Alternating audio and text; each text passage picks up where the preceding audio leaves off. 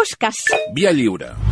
Au village sans prétention, j'ai mauvaise réputation. Je me démène ou je reste. Hola, Santi Jiménez, bon dia. Què tal? Bon dia. Molt bon dia. Hola, bon dia, Malcom. Ja estic cantant, jo. Estàs, estàs preparat o no? Has vist l'escenari, ja? Si em fa una por... Quin va ser la, la, la, la que vau cantar l'any passat amb el Monti? Què va ser? Eh, estando contigo. Estando contigo. Sí, no, jo Molt no tenia recordat. Veu, però aquest any ah, preferiria no tenir veu, perquè, perquè amb, la, amb, amb la veu la canto pitjor encara. Bueno, ja, ja, ja explicarem quina cantaràs eh, després amb el Monti, sí, perquè a més sí, m'han sí. dit que és qui inauguren el Festival d'Eurovisió del Podríem karaoke. passar a la secció i anar directament a... Home, i tothom ho està esperant. Si d'aquí una estoneta no desenxufeu la ràdio perquè els millors i els pitjors cantants de la història sonant alhora eh, al karaoke del Via Lliure. Només diré que avui vam fer un assaig amb un sopar que hi havia Sí. sí. al Monti, que era el, Monti, era el Montilló, i la gent es va quedar petrificada. Saps petrificada de patètic? Com dient, no sabem ni dir ha, ha, hi, hi, ni riure, saps? I, o sigui, sou patètics. Això a és l'efecte que creem. Una cançó fàcil, sí, sí. Sí, sí, molt fàcil. Va, eh, qui és el- qui és l'execrable avui? Avui és execrable dona. Bona. Dona. Però a, a mi m'ha acabat fent molta pena, eh? Vull dir, perquè mm, l'hem fet per, perquè sí, realment és una loser tremenda, no?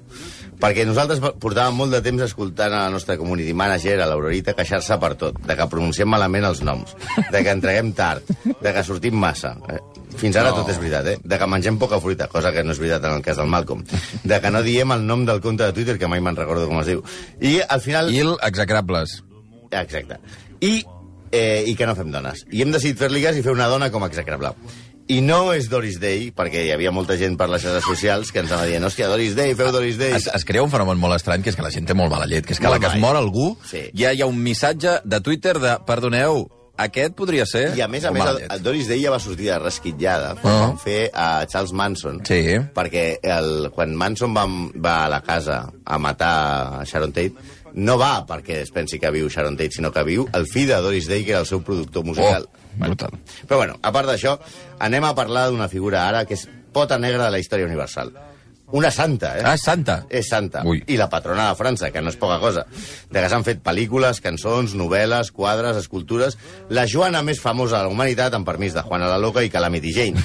La noia que va començar l'alliberament de França a la Guerra dels Cent Anys. La persona que va aconseguir coronar el rei Carles VII i que va trencar el setge d'Orleans que feia mm, Otoe anys que durava.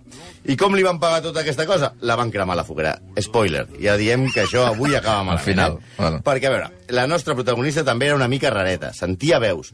Militarment tampoc estava massa dotada per manar, es va creure el personatge com si fos la Calesi i després va ser víctima d'un món farcit de carallots i masclistes. Avui, amb tots vostès, la Pucel d'Orleans, Jeanne d'Arc, o com és coneguda mundialment, Joana d'Arc. Ui, Ja, ja, ja. no se us ha acudit res més, no? No, comencem amb aquest tema tallavenes, Sí, sí. cantat per Janet, perquè... Que, que Janet, per això, no? Ah, exacte. Heu anat a buscar Janet? Janet, clar, Janet, clar. hi ha gent que no sap qui és. Ja, al nostre seient de l'EGB, això sonarà com aquella noia que era igual que el personatge del TVO, Esther i su mundo, unes publicacions, i aquí sí que segur que els de l'ESO no, no sé ni puta No. de què estem parlant. No. Bé, tornant al tema, això ve per, a compte perquè el seu poble tothom la coneixia, a la nostra futura santa, com Janet. Ah, sí? No li deia Jean d'Arc ni la veïna. Això va venir després, molt després. De fet, durant la seva curta vida va ser fonamentalment coneguda com la doncella d'Orleans, la Pucel, un sobrenom una mica tipus boxa. En el bombardero de Detroit, el potro de Vallecas, el lince de Parla i la doncella d'Orleans. Sí, ja. Janet és la quarta filla d'un matrimoni de camperols que no li donen ni el cognom. Per entendre's, no era una filla desitjada. Ja. Ni massa ni poc, res.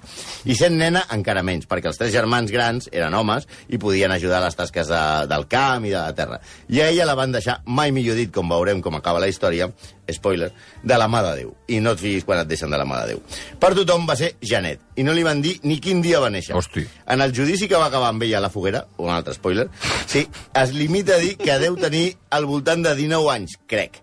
Va dir això? Sí. Uns no, 19, crec. Sí, no tenien, no tenia massa idea de quina edat ni quin dia havia nascut. I tampoc està massa clar que sabés llegir o escriure. És a dir, com la majoria de camperols de principis del segle XV.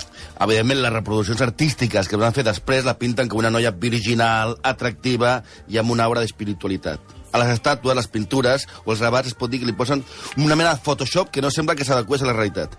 Arran d'aquestes reproduccions, les actrius que han estat escollides per interpretar-la al cinema, Ingrid Bergman o Mira Jokovic, per exemple, tampoc, tampoc sembla que hagin respectat el model original. I és que penseu, estem parlant d'una noia camperola als principis del 15 Capacitada per portar feixugues armadures, fer servir espases que pesen com una bombona de botar, muntar a cavall, fer càrregues tipus Liverpool però matant gent, i participar en batalles que es va passar mitja vida vestida d'home sense que ningú sospités res. I per si feia falta una dada d'un testimoni directe, tenim el que va declarar el seu escuder en el judici. Obro cometes. A veure. El meu cos mai va sentir cap desig carnal cap a ella, la qual cosa em sembla gairebé un miracle. A veure, que et digui això un tipus que segurament quan entrava a l'estable i a la corda porc les gallines corrien a amagar-se. O sigui, dona una mica la idea que probablement la Pucel, aquesta virginal, s'assemblava més a Hulk que a la Capitana Marvel. Va! Home, per però favor. abans, però abans d'agafar les armes i anar, anar a alliberar França, ella era una nena que es dedicava a portar les ovelles al camp Sí. i que quan tornava a casa i ningú li feia ni cas, només pregava. Pregava molt i amb molta intensitat. I aquí, és- aquí no es va començar a liar-se parda. O toe parda, eh?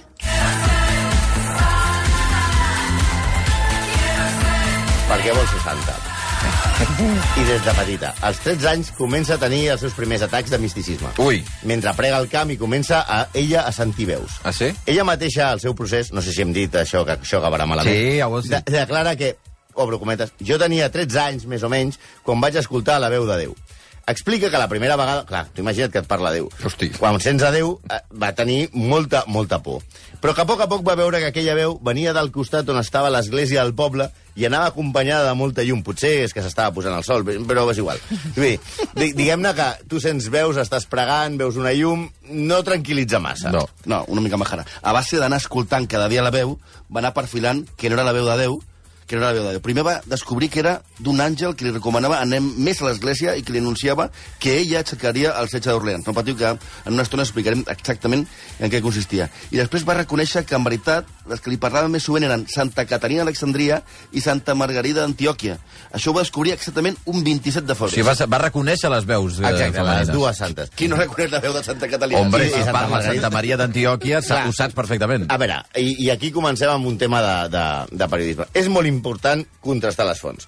I si tu tens, sents veus de dues senyores que et diuen, a veure, A, que marxis i encapçalis un exèrcit, que et juguis la vida i que, i que et posis una espasa i, i, i una armadura, és bastant important de qui saber de qui venen aquestes veus. I aquesta és la gran errada de la nostra Janet. Potser les que parlaven no eren les persones més adequades per donar consells. Per què? Mira, Mira, Santa Catalina i Santa Margarida Sí. eren sant, les santes més popus de l'època, Ahà. però no va acabar massa bé als seus dies. Mm, No, no eren molt de fiar. Comencem per Santa Catalina. Va viure entre els segles 3 i 4 i va morir abans de fer els 20 anys. I es suposa que va ser la que va persuadir a l'emperador Maximilià que deixés d'empaitar cristians. empaitar vol dir matar-los. Sí, sí. Ja, ja, ja. ja, No obstant, va ser condemnada a morir torturada a la roda, un aparell que et porta a la mort amb el bonic mètode de trencar-t'hi tots els ossos del cos. És maco, això, eh? Com a miracle, la roda no va poder trencar-le els ossos, així que finalment la van decapitar. No fotis. Home, Sí, per donar consell Santa Caterina no semblava la persona més adient. I espera que l'altra, l'altra era Santa Margarida, A veure. que també va anar pel Pedregà. Va ser una punzella despreciada per la seva fe cristiana, que també les va passar a putes. Diu la llegenda que després de treure's un drac de la seva gola, cosa bastant dius, complicada, Hòstia, si l'havia és posseït això? un drac, va ser, espera, fuetejada amb vares de fusta. Li van clavar claus per tot el cos. Li van fer talls, també a tot el cos, amb tridents, i finalment la van destripar amb uns ganxos. Ai, per favor. I no es va morir. Ai. No la van poder matar. Així que, què van fer? Li van tallar el cap. Un altre. És a dir, que amb Sí, aquestes referències l'estrany és que aquestes dues veus li haguessin donat un bon consell a, a Joana d'Arc. De, de fet, la cosa va començar malament. Es va arreglar en primera instància i fins i tot semblava que la cosa anava molt bé durant un temps i al final va acabar a l'estil Santos a la parrilla. Però anem per parts. per què va començar la cosa malament? Doncs perquè només en 14-15 anys és quan ella se li fot a la seva que ha d'anar a veure el candidat al tro de França per transmetre-li el missatge que Déu li enviava mitjançant aquestes santes de les snuff mavis que parlem. I és clar, arribar a aspirant a rei no era fàcil. La manera més, més, més directa era anar a veure a un noble anomenat Roger de Bondincourt, que era un dels principals aliats del projecte, del projecte del rei, que volia ser Carles VII, i que era qui li podia proporcionar una escorta militar per anar a veure'l. I aquí és on entra en funcionament aquesta teoria, que igual la teniu molt clara, Sí. que és aquella de que qualsevol persona està a 3 o 4 persones de distància d'un famós. Ahà, sí, sí. És a dir, qualsevol persona està a 3 persones de tu Sí. o del Toni Garcia, per exemple. A través de coneguts. Com, com la gent més famosa que conec. Vale? Que es, burro, eh? es veu que Joana tenia un tiet que era mig noble, que sabia el Badrincourt, Ah, sí? que, com m'ha dit el, el Malcolm Bourg, eh, i així que es va anar a veure'l i li va donar la brasa fins que li presentés el noble. Mhm. Però, evidentment, el alguna cosa havia de sortir malament. Un cop més, Joana no va Però estar... estem parlant de Joan amb 13 anys, eh? Sí, 14, 15 anys. 13, Com o no tenia 14. molt clar la seva... Bueno, sí. No va estar atenta als senyals. I ho Per entendreu de seguida. Sabeu com es deia el tiet que li havia de presentar el noble? Doncs es deia Duran Laxant. Laxant. Us ho juro. Si confies en un home que es diu Laxant, l'acudit surt sol. Només pots cagar-la. Prou! I així, Home, i així favor. va ser. Laxant, laxant, que no, hem de dir laxant moltes Si vegades. tu, aquell home, quina, quina, quina infància més trista devia tenir. Com et dius? Laxant, a, a la pissarra. No, està al lavabo. No, em porta sec, em porta sec. No, Va. Laxant va portar a la neboda a veure a Botincú. Sí. Li va explicar el rotllo de les veus, que ja havia, que ja havia explicat un secret a l'aspirant del rei i que li van explicar les veus de les santes de Tarantino i que ella estava predestinada a llibrar el setge d'Orleans.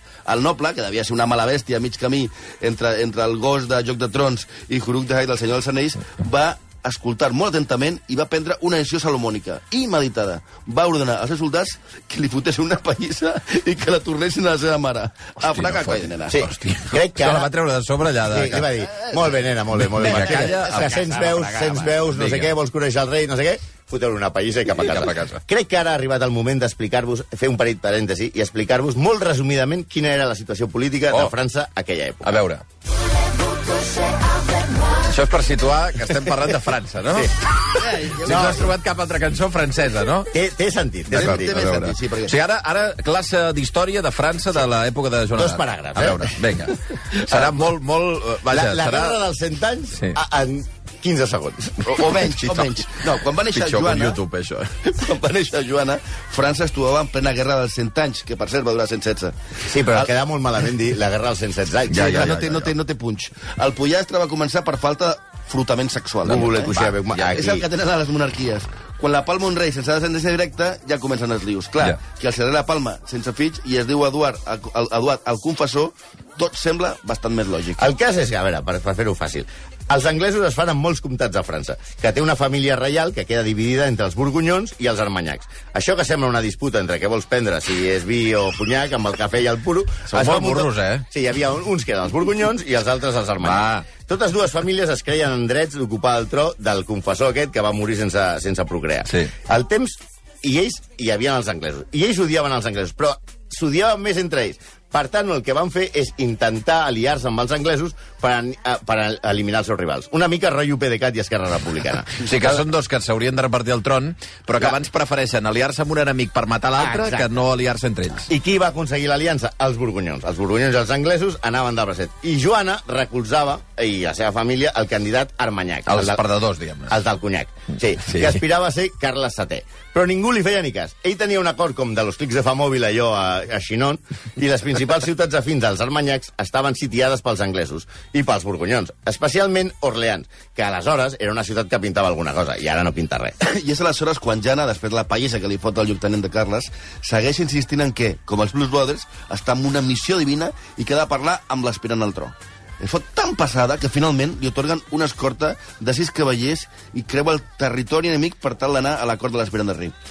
Per no aixecar sospites, ho fa vestida d'home, cosa que després jugarà en contra seva al judici, perquè ja m'ha avisat que això acabarà malament. Sí, eh? ho heu dit ja. Sí. I a mesura que avança el viatge, se li comencen a atribuir miracles. Per exemple, arriba a l'església de Santa Catalina de Ferbó, un altre cop, el Santa Catalina, aquesta Santa Gafe, i allà, que eren partidaris de Carles VII, li ofereixen una armadura perquè alliberi Orleans. Però ella demana, diu, no, l'armadura no. Aixequeu l'altar, o sigui, feu obres, perquè a sota està enterrada una espasa i jo vull eh, l'espasa que està eh, soterrada sota l'altar. Clar, la nena ja tenia certa fama de milagrera i li van fer cas. O sigui, van, allò, van trucar al Chispas i van dir, venga, levánteme l'altar, que aquí ni- la niña dice que hay una espada. I van trobar realment una espasa, Oh. que suposadament havia estat propietat de Carles Martell, que és el que va fer fora els moros a la batalla a les naus de Tolosa. Eh? O sigui, per tant, la fama de, de Joana d'Arc de milagrera anava creixent. I finalment a, arriba Chinon, que és on l'aspirant al tro tenia la seva cort. Tothom està expectant per veure aquella nena que assegurava portar la victòria les seves tropes, però el dofí, que així li diuen a, a França l'aspirant al Sí, tro... sembla un personatge de, de Calamardo De i de, de, sí. de, de Bob Esponja. no es fia perquè Que havia burros que sou, eh? molt joc de trons i s'imaginava que aquella, aquella audiència podia ser una trampa per assassinar-lo. I, per tant, es va disfressar de servent i li va donar les seves robes a un pringat pensant que si algú l'havia de palmar, que fos el becari. Clar, Becarios no! Aleshores, imagineu, Joana ingressa a la sala del tro, que està Sí. sí. plena de gent, perquè Sí. sí. sempre hi ha molta gent, gent a la sala del tro, i, i és l'únic lloc on devia fer calor, perquè si no fa molt de fred, a l'edat mitjana feia molt de fred, i mai havia vist el dofí. El dofí ens referim al senyor aquest, no, no un animal, eh? No, un animal no hi feia res allà. Ah, ah, I menys fora de l'aigua. Ara. I es va apropar al que feia de rei, que era el becari, Sí. i diu, tu no ets el que jo esperava. Es va girar i va buscar entre la multitud i va descobrir el noble que s'amagava disfressat de ser de la gleba. Després d'aquest numeret, les seves accions van pujar com l'escuma. El príncep va cedir a escoltar-la i ella es va convertir en el mago pop de França. Sí, i ell havia de ser molt convincent. La gent diu que li va explicar al dofí secrets que només Déu i ell coneixen i que va quedar molt impressionat Bàsicament li va dir que era un bastard. i contra tot pronòstic. Per simplificar, Sí, no? ja sé, Marc, Que tu no tens dret al tro perquè a tu la, la, la, xuscada era una altra. Ah, no, no ets Jon Snow. Doncs contra tot pronòstic i consell dels seus col·laboradors la va posar al davant de les seves tropes per anar molt, molt lògic. a trencar el setge d'Orleans. i agafes una nena de 16 anys i dius, mira, domina. Però és que ella li havia promès que en pocs mesos el coronaria rei. I tenia 17 anys. És a dir, Carles VII era com Florentino i Joana d'Arc Vinícius. Si li donen tot un exèrcit a Sí. Joan Adat, Sí. només per, per aquests 3 o 4 miracles. Clar, bueno, no està malament. Tu has fet algun miracle? No, bé, clar, 3 o 4. Dius 3 o 4 miracles com si tu ne fessis un cada dia, clar. Ella va començar a guanyar batalles en la reconquesta Sí. dels armanyacs contra els anglesos i els borgonyons. Algunes ni tan sols establir combat, com el setge de Troyes. La qüestió és si era Zidane o era Guardiola. Aquí no hi ha acord. Una part dels historiadors defensen que simplement era un pandó. Vol dir que eh, portava l'estandard i no feia res, que no era com nosaltres. Pandó en, el, en l'accepció de nosaltres. Ja. I que motivava molt a les tropes a l'estil José Camacho, de venga, venga, vamos, vamos, vamos, ahí, con cojones. Ja, aleshores ella, però que no, no decidia res, no? Ella, ella agafava i deia, venga, ahí, venga, coño, con, con hombría i españolía. I, però bé, no ho feia. Espanyolia no crec que digués Adarc, però bueno. No, però Camacho sí. Va. Aleshores, aquesta és la teoria que defen Stephen W. Ritchie, que juro que existeix i que la seva biografia de Joana, Joan of Arc, The Warrior Saint, que no m'he llegit, però que es pot comprar per 58-20 euros a Amazon, en tapa dura, o sigui, un llibre de 58 euros és un pastizal.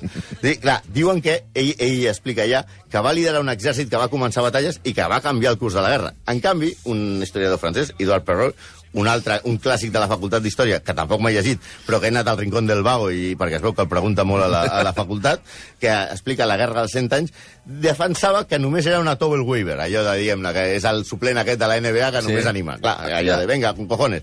No feia res, però animava. Clar, i per no fer la cosa llarga, com que aquí no hi ha dracs, ni dracaris, ni soldats que s'havien tallat la cancel·lada com si fos el Madelmans i obeeixen com si fossin Argambois, ni zombis, ni sandocans a cavall, els doctratis aquests de Joc de Trons, ni res, va resultar que l'exèrcit dels armanyacs va començar a guanyar batalles. Algunes simplement per incompareixença. Molts castells es van rendir sense pres presentar batalla com si fos ara i ara espereu que torni a cagar-la com la setmana passada i digui com l'Espanyol davant del Madrid, però no. Era com un Barça de bàsquet davant de qualsevol equip turc. O iugoslau, o grec, o serbi, o croata, o basc. Vale, la, la cosa està que els que estiguin interessats en la guerra llegeixin a Ritchie si van a favor dels armanyacs o a Perroà si van a favor dels anglesos. Sí. Però, per resumir, la cosa està en què va alliberar Orleans, finalment, i va fer que el sòmines aquest de Carles VII es coronés rei de França a Rems. No era una coronació full equip, perquè era bastant modesta, perquè, a més a més, a París, per exemple, seguien poder dels altres, dels dolents. bueno, dels dolents per ella. Però era la primera vegada que el xavalet aquest del Carles VII guanyava un partit. Sí, i ja coronat rei, el nano es va créixer, va intentar pactar amb els borgonyons per establir una treva, i li va dir a l'Espusel que gràcies per tot, que ja la llamaremos. Oh! Però ella no va tragar. va tornar a sentir eus. I d'aquí, de la parella de santes torturades que eren com la defensa de Déu d'Istambal del Santoral. Santa Ja. Catalina... Però són molt pesades. Són molt pesades, perquè s'apareixen cada dos per tres. Cállese.